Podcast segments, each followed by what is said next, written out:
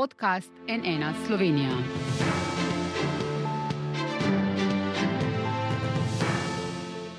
Dobr dan, to je NN studio. Kako trdna je po sredinem vrhu vladna koalicija pod vodstvom Roberta Goloba?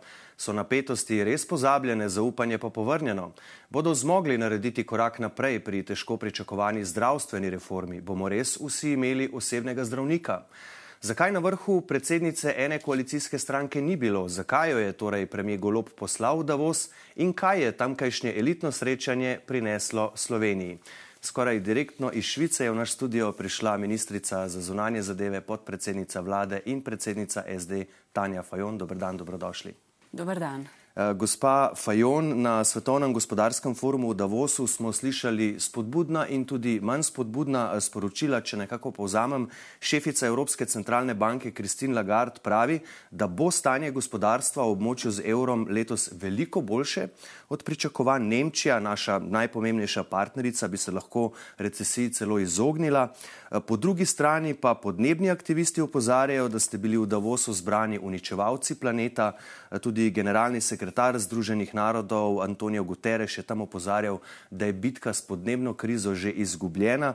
Katero sporočilo iz Davosa pa je ključno za vas? Um, cel Davos je priložnost, moja prva priložnost.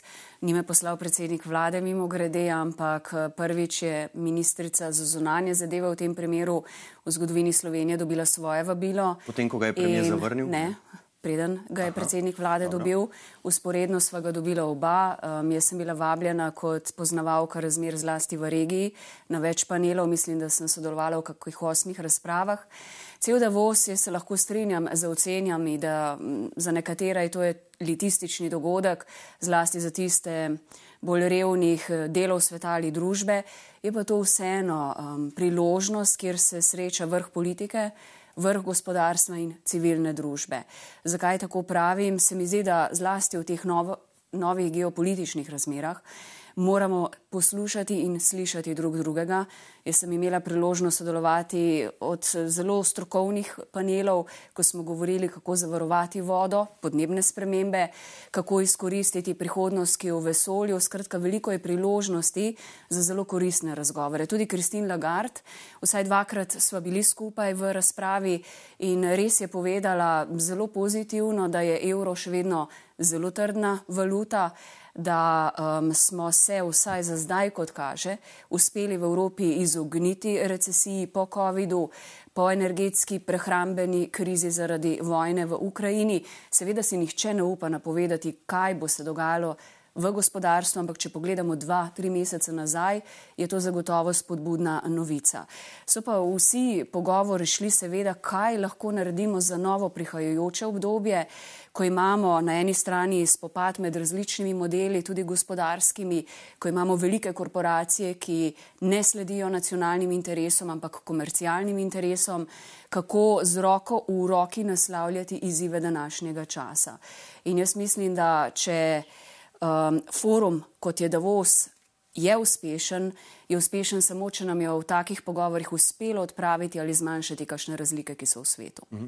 Zdaj, eh, tudi ukrajinski predsednik Zelenski je nagovoril voditeljev Davosu, pozval je spet k hitrejši dobavi orožja, predvsem Nemčijo, ki ukleva eh, pri dobavi bojnih tankov Leopardov. Eh, to je v bistvu zdaj že vsakodnevno, nekako se Nemčijo poziva. Zunanji ministri Evropske unije boste v Bruslju zasedali v ponedeljek tudi na temo Ukrajine. Kakšne odločitve boste sprejeli? Karkoli v zvezi s tem?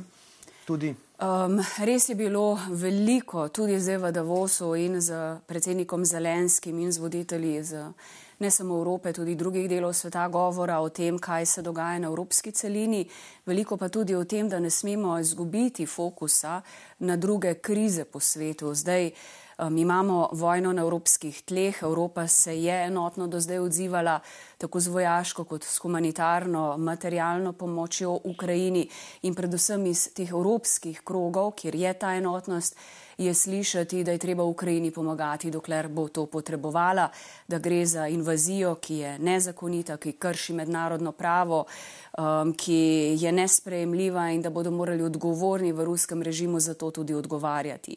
Tu je enotnost Evrope zelo velika. Zdaj, seveda pa se na drugi strani, zlasti ko posluša sogovornike z drugih delov sveta, odpirajo legitimno vprašanja, kaj to pomeni, ali bomo uspeli usporedno vzpostavljati tudi pogoje za čimprejšnji začetek pogajanj za mir. In tudi jaz sama sem danes na eni od priložnosti rekla, moramo usporedno iskati vse priložnosti, da se nasilje spopadi čim prej ustavijo in zagotovijo pogoje za pogajanja. Pa vi podpirate, se upravičujem, torej to, za to, kar Zelenski prosi, bojne tanke, protiraketni sistemi, hitrejšo dobavo orožja? Vi, um, kot zunanja ministrica. Veste, razumljivo je, um, da se Ukrajinci borijo za ozemeljsko suverenost in celovitost. Tudi Slovenci imamo ta zgodovinski spomin, nikakor ne smemo pristati, da nekdo z vojaško silo, z uničevanjem civilnih ciljev, infrastrukture, z pobijanjem nedolžnih civilistov, že okrog 500 otrok je izgubilo življenje, nasilno prevzema ozemlje. To je dobesedno kršitev mednarodnega pravnega reda, varnosti v svetu in je besedno svet danes bistveno drugačen. Zdaj pa na drugi strani, seveda, um, če se pogovarjamo o tem, ali bo Ukrajina zdaj dobila moderno orožje, ki bo dosegalo daljše cilje, ki bo lahko um, zadelo tudi cilje v Rusiji ali tudi ven iz Ukrajine, seveda se postavlja tu nevarnost kakšne razsežnosti lahko dobi ta vojna. Vse je treba narediti, da bi čim prej prišli do pogojev za začetek pogajanj. -huh. uh, sem razumel nekako, da ste tu malo zadržani. Kaj pa razmere na Zahodnem Balkanu? Ne? Tudi o tem je tekla debata v Davosu na enem panelu. Prejšnji teden ste bili znova tam na manjši turneji. Kaj konkretno zdaj Evropska unija pričakuje od Bosne in Hercegovine, ki je dobila status kandidatke za članstvo, in kaj od Srbije? Predsednik Vučić je včeraj v Davosu dejal, da Srbija za članstvo v EU ni več tako navdušena. V, v vseh delih bolj ali manj držav Zahodnega Balkana upada zanimanje za Evropsko unijo na eni strani, predvsem v odsotnosti neke ambiciozne, hitrejše širitvene politike. Mi se praktično že 20 let pogovarjamo o širitvi na Zahodni Balkan, je zelo aktivno, hm, se pogovarjam in sem v regiji prisotna z voditelji, politiki, tudi s civilno družbo in stroko. Dejstvo je, da. Hm, težko razumejo ljudje, zakaj sta recimo Ukrajina, Moldavija lahko dobili status kandidatke, medtem ko je toliko enih uvir na poti za druge države. Jaz vseeno odgovarjam, da smo verjetno tudi zaradi situacije in razmer, zaradi začetka vojne v Ukrajini uspeli v zadnjih mesecih zbuditi pozornost na regijo Zahodnega Balkana. Mi imamo huda varnostna tveganja um, zaradi vseh um, izzivov, ki so in uh, moramo nekako začeti razmišljati out of the box, pospešiti proces, pomagati pri reformah in države čim prej spraviti v Evropsko unijo. Sicer um, nam odhaja mlada generacija Bosna in Hercegovina, praktično izgublja izjemno veliko število ljudi, tudi druge države in te države ne bodo imele več potencijala in znanja, da bi lahko izpeljale reforme. Mhm. Pred odhodom v Davos ste dejali, da boste Slovenijo predstavili kot moderno, socialno in zeleno državo, eh, ki prevzema del odgovornosti za reševanje najbolj perečih izzivov uh, našega časa. Tja ste sicer potovali s Falkonom, morda samo omenim. Napovedali ste tudi, da boste srečanja izkoristili za pridobivanje podpore slovenski kandidaturi za nestalno članico Varnostnega sveta Združenih narodov, kar je osrednji zunanje politični cilj v tem letu v Sloveniji. S kom vse ste govorili na to temo, kakšne signale dobivate? Najprej, da ne bo uh, mogoče napačnega razumevanja. Včasih je potovanje s Falkonom lahko bistveno cenejše kot druge poti, da prideš do Švice. Smo pa kot delegacija, ki je bila samo dvečlanska, um, stanovali 50 km stran od Davosa, ravno zato, da smo lahko še kak strošek državi privrčevali in je bilo naporno. Ampak um, jaz sem zadovoljna, ker je bila Slovenija slišana, uh -huh. je bila slišana naša politika, predvsem pa podoba naše države ker sem lahko res v vseh pogovorjih predstavljala stališče, da je Slovenija zelena država, da je moderna, da je odprta država, da tudi naša zunanja politika bo samo uspešna, če bo odprta in vključujoča. In um, sodelovala sem, kot sem prej omenila, um, ne samo na razpravah o novi varnostni um, arhitekturi v svetu, ampak recimo o tem, kako zavarovati vodo. Voda je naš um, ponos Slovenije, čista, zdrava voda, kako narediti več za prihodnost, za znanostjo, za razvojem, za tehnologijami, tudi digitalnimi, umetno inteligenco. Um, pogovarjala sem se, Slovenija si prizadeva naslednje leto postati polnopravna članica Evropske vesoljske agencije. Vesolje je prihodnost, ko uporabljamo vse satelitske mm. slike za zdravstvo, za medicino, za tehnološki razvoj, napredek, za boj proti podnebnim spremembam. In v Sloveniji imamo res izjemna, majhna, srednja, velika podjetja in kar veliko stikov je bilo mogoče navezati v tem delu za tudi predstavitev slovenske odličnosti našega gospodarstva. Seveda pa sem priložnost izkoristila izkoristila tudi za veliko stikov na politični ravni, ker je Slovenija vendarle v grand finalu, če tako rečemo, v finišu za um, svojo kandidaturo za nestalni sedež v varnostnem svetu Združenih narodov, kar jaz upam, da bomo uspeli z skupnimi napori. Kakšni so pa signali? Vam je um, že kdo uh, od predstavnikov kakšne države že nekako tudi zagotovil, obljubil podporo. Tu eh, spomnimo, da druga kandidatka je eh, Belorusija. Ali morda kdo razume ta dvoboj Slovenije in Belorusije kot boj med demokracijami in avtokracijami? Zagotovo se pojavlja to vprašanje na eni strani, lahko tudi rečemo boj med vzhodom, zahodom, med mhm. um, demokracijami ali nekimi avtorikratskimi režimi. Jaz ne želim videti te kandidature tako in jo tudi ne predstavljam. Jaz predstavljam, kaj lahko Slovenija mhm. naredi kot država, ki je lahko zelo um, iskren sogovornik, ki nima velikega bremena vele sile, ki lahko zelo dobro sliši različne interese in skuša nekako premostiti razlike. Um, imam veliko um, pozitivnih um, sporočil nazaj po pogovorih s sogovorniki. Um, skušam res nasloviti vse tiste dele sveta, kjer je naša diplomatska mreža bolj skromno zastopana. Um, seveda pa ni dovolj, da v zadnjem trenutku se lotiš tako velikega zalogaja. Res se ta naša diplomacija, gre za projekt države, izjemno trudi, da bi pri tem uspeli, ker ne na zadnje, če bomo sedeli ob boku velikih držav. Prihodnji dve leti bi to pomenilo, da lahko marsikakšno stvar bistveno laže, ki je pomembna za našo regijo, uresničimo. Kako realna pa je možnost, da ne Slovenija, ne Belorusija ne zbereta dovolj podpore in bo potem za nestalno članico morda kandidirala kakšna druga država, uh, omenja se neuradno nekaj mačarsko, hrvaško. Videli smo hrvaškega premija Plenkoviča, je bil v Davosu, če tako rečem, um, vse povsod. Videli smo ga, uh, ko se je srečeval praktično z vsakim, uh, ki je prišel mimo, če tako rečem.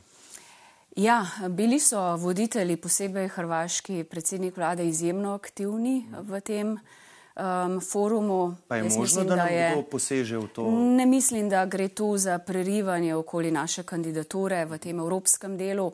Um, jaz mislim, da smo mi tu dobro začrtali in imamo podporo. Zdaj, ne upam si napovedovati, lahko se nam zgodi blokada, lahko ne bo, mi moramo zbrati dve tretjini glasov. Um, ni to samo umevno, tudi ruski interesi so močni, vidimo pri glasovanjih. Tako da jaz mislim, da do zadnjega dne moramo samo z argumenti prepričevati sogovornike, morda ne na način, kot smo izgubili v prejšnjem krogu proti Azerbejdžanu, mm. kjer niso bili um, upoštevani samo argumenti, ampak tudi kakšna darila. Ja, uh, kako to, da potem zunanje ministrstvo kot posebnega odposlanca za lobiranje pri tej kandidaturi ni imenoval ni imenovalo bivšega predsednika Boruta Pahorja, on ustrajno ponavlja, da je bila to vaša zamisel. Zakaj ste torej od nje odstopili?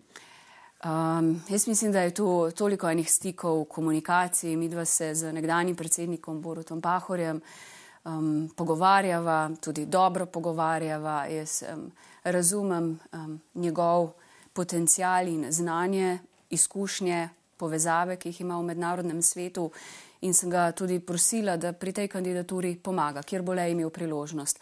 Tako kot sem prosila nekdanjega predsednika dr. Danila Tirka, ki mi enako za nasveti zelo veliko pomaga in še marsikoga, ne samo sveta politike, ki je neko tako razpoznavno ime, ampak tudi sveta gospodarstva, športa, kulture, ker se mi zdi, da Mi um, imamo veliko dobrih ambasadorjev, ki lahko v različnih delih sveta pomembno prispevajo.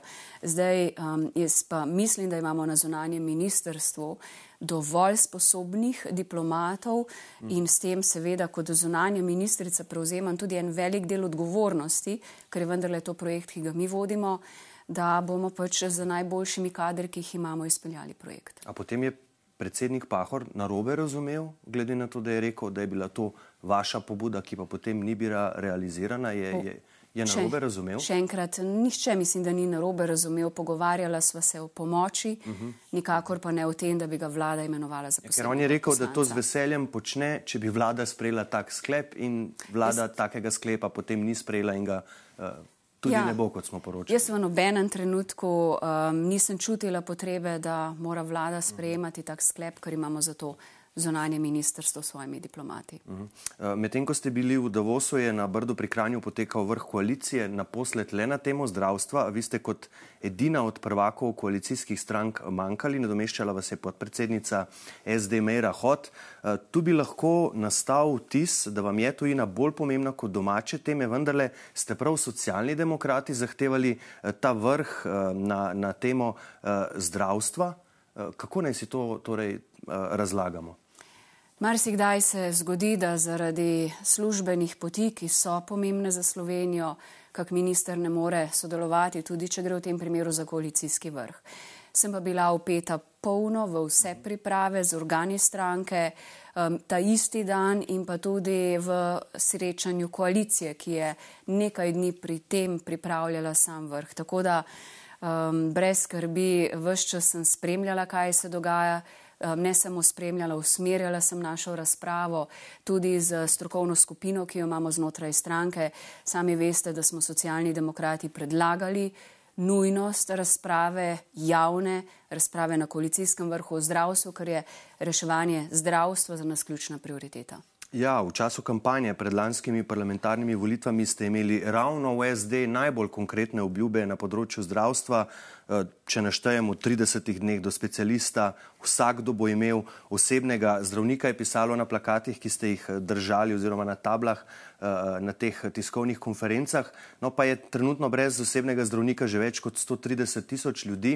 Kako zelo ste razočarani, da napredka še ni, da je še slabše in kje vidite morda odgovornost? SD za to situacijo? Zagotovo se lahko še enkrat zelo samozavestno podpišemo po te zahteve in bomo ustrajali.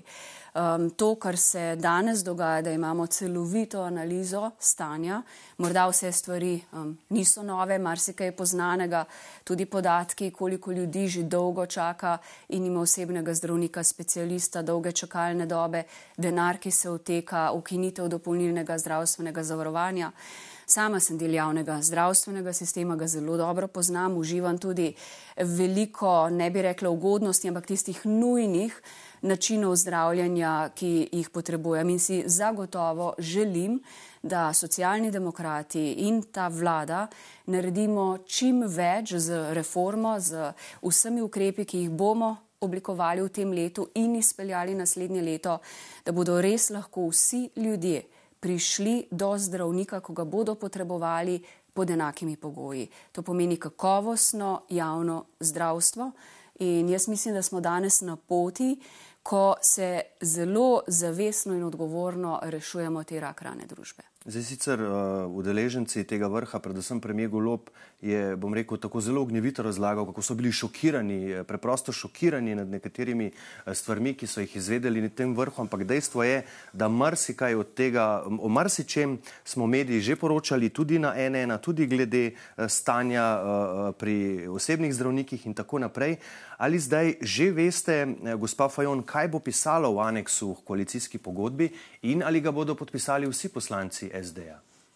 Zdaj, kolikor eh, mi je poznano, naj bi v tem prvem dokumentu bila predvsem časovnica reforme. Uh mhm. -huh. In eh, najprej moramo v stranki upraviti ta razgovor, zlasti za poslansko skupino, tudi zdaj smo stalno v stikih in jaz seveda pričakujem, da pod neko časovnico, zavezo, da izpeljemo to reformo, ne bomo imeli zadrege zagotovo ne poslanke in poslanci, da se tudi podpišajo. Še enkrat, zavedamo se, da je treba reševati naš zdravstveni sistem. Um, in k temu bomo odgovorno prispevali. Ampak ali vi to zahtevo premija Goloba, da morajo aneks podpisati prav vsi ministri in poslanci koalicije, razumete kot poskus discipliniranja koalicijskih partnerjev? Ne na zadnje je bilo iz izjav po tem vrhu kar jasno razvidno, da so bile razmere v koaliciji kar napete in da ste očitno potrebovali zelo iskren pogovor. To je bilo tam tudi povedano. Jaz ne bi v resnici pripisovala velike pozornosti podpisovanju aneksov dokumentov. Mi imamo koalicijsko pogodbo, znotraj koalicijske pogodbe tudi definirane prioritete. Če je treba kaj dopolniti, ne vidim neke velike dileme, da bi to kakorkoli načenjalo koalicijo. Jaz priznam, da me je zelo prijetno presenetilo, kako trdna je išla um, koalicija po vrhu iz samega zasedanja. Žal nisem bila tam, sem pa slišala veliko zavest in zavednost, da se moramo teh izzivov lotiti. Pa bi rekli, da ste zaupanje med partnerji uspeli povrniti v vaših vrstah, je bilo slišati veliko ogorčenja in začudenja, eh, da golobo v krog za afero in odstop notranje ministrice Bobnar krivi prav SD. O tem smo pisali. Premijeja so poslanci SD povabili na sestanek, da bi jim to pojasnil, njega pa ne bo. Čeprav je takrat, spomnim se, na naše vprašanje odgovoril, da lahko pojasni, da nima nobenih težav s tem, če bi kdorkoli potreboval dodatna pojasnila. Očitno jih vaši poslanci pričakujejo, jih pa ne bodo dobili. Um, pravzaprav sem predsednika vlade jaz v imenu poslancev uh mhm. -huh. povabila, da pride, ker so mi decembra rekli, da bi radi razčistili legitimno. Takrat se je čutilo v zraku, da um, nekdo kaže s prstom tudi na nas. Uh, Um, ja, marsikdo je rekel v poslanski skupini, tudi sama z nekdanjo notranjo ministrico smo dobro sodelovali, je pa to odločitev stranke in za me je bila ta zgodba končana. Um, s predsednikom vlade sem imela priložnost vsaj dvakrat se tem pogovarjati in sem mu tudi na zadnje prenesla um, to skrb naše poslanske skupine, da zagotovo mi nismo tisti, ki smo kogarkoli rušili ali kakorkoli vplivali na to odločitev. Jaz mislim, da je predsednik to z razumevanjem sprejel. Aha, torej eh, je bil v bistvu pomirjen že s tem, kar ste mu vi povedali in zato zdaj ne čuti potrebe, da bi še vašim poslancem pri, prihajal razlagati. Jaz mislim, da sva razčistila tako midva, kot tudi potem jaz sem v pogovor z našo uh mhm. -huh. poslansko skupino. Imamo dovolj drugega dela, da se fokusiramo na njo. Ja, ker takrat so rekli, ne, da je bilo preveč insinuacij in govoric, da zato iz spoštljivosti do koalicijskih partnerjev kot edino primerno ocenjujejo, da se pogovorijo. To je bilo sporočilo uh mhm. -huh. poslanske skupine. Kako je SD sprejela nov način kadrovanj v državno gospodarstvo pod to vlado in na druge položaje. Zdaj se o tem ne dogovarjajo več generalni sekretarji vsak teden, kot je bilo to v preteklih vladah. Ste se iz tega umaknili sami ali ste bili umaknjeni? Če smem mogoče samo k prejšnjemu dodati, ja. da absolutno, če je um, in bo zagotovo še kakšna potreba, da tudi naši poslanke in poslanci upravijo pogovor s predsednikom vlade, če ne bo mogoče razčistiti, bom zagotovo tista, ki bo ustrajala na temo, da pride na sestanek, ker se mi zdi, da je absolutno pričakovanje utemeljeno, da predsednik vlade tudi se pogovarja z drugimi um, poslanci koalicije. Zdaj, kar zadeva pa kadrovanje. Um, kadrovanje. Res je, od vsega začetka se morda čuti, mi smo vmes imeli tudi kongres, zamenjali generalnega sekretarja, čež da je cela logika kadrovanja v družbah spremenjena, jaz bi rekla drugače, da nas predvsem zanima strokovnost, um, kadri, ne politika, ampak da so vsa vodstva v predvsem državnih podjetjih transparentna, da deluje učinkovito in v interesu države. Ampak odločilno torej, vlogo pri tem mene, mene v resnici, ampak a veste, jaz se ne želim spuščati v politiko političnih kadrovanj, ker se mi zdi, da je to zgrešena politika. In ustrajam pri temu, da kadruje se tako, da so to strokovnjaki. In marsikdaj zaradi tega smo zapravili kakšno dragoceno priložnost, um, v državi in jaz mislim, da se mora tudi v tem delu politika spremeniti. Uh mhm. -huh. Bomo videli, kaj bodo uh, te spremembe uh, prinesle. Uh, če greva zdaj še malo bolj natančno k vaši stranki SD, prejšnji teden ste, kot smo razkrili na NN, dosegli dogovor z bivšim predsednikom republike in dolgoletnim predsednikom stranke Borutom Pahorjem, da njegov status v stranki ostaja nespremenjen še eno leto. Torej, ostaja član, ne bo pa še začel plačevati članarine, če povem po domače, ker pravno formalno zamrznjen status članstva po vašem statutu ne obstaja. Ne? To je treba morda tu pojasniti. Je bil to vaš predlog uh, in ali gospoda Pahorja v bistvu sploh še vidite v vaši stranki? Um, včasih me veseli, da se tudi skozi take zgodbe veliko govori in piše v naši stranki. Um, Borod Pahor je res dolgoletna, dolgoleta bil naš predsednik stranke. Uh, Um, ne bom šla skozi vso zgodovino, ampak. Um, tudi vas je ne na zadnje pripeljal v stranko? Tudi mene je pripeljal v stranko, veliko sva sodelovala, tudi zdaj kot zunanja ministrica sva se redno pogovarjala o tem, kar je bilo skupno zlasti v delu zunanje politike. Um, je pa me predsednik nekdani sam obvestil po telefonu pred kratkim, da bi želel obdržati trenutni status oziroma um, nekje status, kot ga je imel v času, ko je bil predsednik države, um, vsaj še kakšno leto, ne da bi se aktivno vključil v stranko. Meni se to zdi popolnoma sprejemljivo in um, bom vesela, če bo na nek način skušal z nami deliti naše vrednote.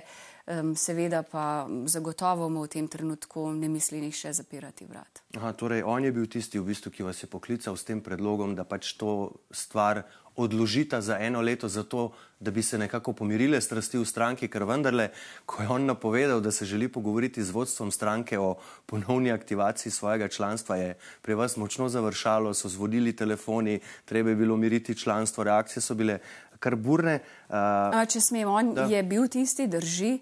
Um, je pa tudi res, da smo se o tem pogovarjali že takrat, ko je završalo, ampak uh -huh. takrat je bil še predsednik države. Se mi zdi logično, uh -huh, uh -huh. da je ta telefonski klic izkoristil po izteku mandata. Niste pa tega dogovora predhodno uskladili v stranki, to ste sami v bistvu se odločili. Se tu ne gre pravzaprav za noben dogovor, samo uh -huh. stanje v bistvu ostaja nespremenjeno, ki smo uh -huh. ga navajeni že nekaj let in jaz sem seveda to um, njegovo odločitev sprejela. Ne pričakujete zdaj, da bi uh, kakšen kritičen glas v stranki, najbolj kritični so bili v mladem forumu, kar je nekako že, bom rekel, običajno za vašo stranko, da bi zdaj izpodbijal ta njegov status, ker pač. Če ne plačuješ članarine, v bistvu ne moreš biti član stranke SD. Ne? A veste, naša stranka, in jaz iskreno to želim, je stranka odprtih vrat. Naj bo vsak dobrodošel, ki želi prispevati k tej stranki, marsikdo um, ne plačuje članarine, pa je vendarle lahko aktiven, pasiven član. In ne vem, zakaj je toliko pozornosti okoli tega. Imamo veliko člansko mrežo in še enkrat, lahko bi se tudi pri kakšnem drugom kdaj bistveno prej vprašali, ali je še po vrednostnem sistemu primeren za članstvo v tej stranki. Gospod Pahor, po vaše je? Um, gospod Pahor, um, sva se veliko pogovarjala, zelo iskreno pogovarjala. Marsikdaj sem ga kritizirala tudi javno, ko se ni dovolj ostro odzival na tiste kritike, ki jih je izpostavljala civilna družba, ko se je rušilo pravosodje, svobode medije, tudi temeljne demokratične vrednote. Tu se nisva strinjala, to sem povedala, vedno pa dopuščam možnost, da se lahko s kom pogovarjam. Da. Eh, dan po tej objavi tega dogovora smo tudi objavili fotografije eh, Pahorjevega sestanka z Anžetom Logarjem iz SDS, bivšim predsedniškim kandidatom. Kako razumete te pogovore ali menite, da bi to lahko kakorkoli vplivalo na Pahorjevo vrnitev v stranko potem po enem letu, če, boste, če se boste tako dogovorili? Če me sprašujete, ali me moti, da se kdo s kom pogovarja, se zelo motite. Zaradi mene naj se kdorkoli s komerkoli pogovarja in verjetno je tako tudi prav. Uh mhm. -huh. Torej, ne menite, da bi to lahko kakorkoli vplivalo? Ne bi bila nikakor paranoična, če se ljudje v politiki ali v Sloveniji med sabo pogovarjajo nasprotno. Uh, morda še uh, zadnje vprašanje. Prihodnji teden bo uh, seja državnega zbora, kjer bodo imenovani novi ministri. Ob tem bo tudi glasovanje, ponovno glasovanje po vetu državnega sveta o zakonu o finančni upravi, ki je takrat prvič na prvem glasovanju v državnem zboru dobil samo glasove gibanja Svoboda, 41 jih ima Svoboda. Vi in Levica, torej koalicijski partnerji, pa ste vse čas na stališču, da tega ne morete podpreti zaradi sporne določbe o tajnem sledenju in da boste pri tem ustrajali. Torej, lahko na tej točki poveste, da bodo poslanci SD na glasovanju, ki bo v torek, če se ne motim, ponovno vzdržani? Um, vsekakor ne bomo spremenjali svoje odločitve, ker je za nas poseganje v zasebnost um, groba kršitev temeljnih pravic. In vse čas smo upozarjali, da v tem delu zakon ni dobro spisan in jaz pričakujem, to glasovanje se mora zgoditi. Um, pričakujem, da bomo verjetno na mizo v nadaljevanju dobili spremenjen zakon in takrat bomo lahko o njem govorili. Ja, če pojasnim, torej na drugem glasovanju po vetu državnega sveta zakon potrebuje 46 glasov, ki pa jih poslanci svobode seveda nimajo in bi zato potrebovali vaše glasove in glasove levice, pa jih očitno ne bodo uh, dobili. Bomo videli, koliko glasov bo na koncu, menda tudi sami poslanci svobode zdaj nekako napovedujejo, da bodo vzdržani, tako da očitno niti en poslanski glas ne bo v podporo temu zakonu. In potem pričakujete torej novega, brez te sporne določbe, če prav razumem. Takšno je pričakovanje, um, je pa seveda zdaj ni bilo mogoče izglasovanja tega zakona umakniti, kot ste sami povedali, niti spremeniti in um, zgodba je s tem verjetno zaključena. In bomo videli v torek, kako se bo razpletla. Za danes pa, gospa Tanja Fajon, najlepša hvala, da ste bili gostja NN. Hvala za povabilo. Hvala pa tudi vam za vašo pozornost. Seveda vse, kar se bo dogajalo v zvezi z imenovanjem nove vladne ekipe in dogajanjem, ki ga bo spremljalo, boste lahko brali na naši spletni strani nnainfo.si. Iz studija pa le še lepo zdrav in nasvidenje.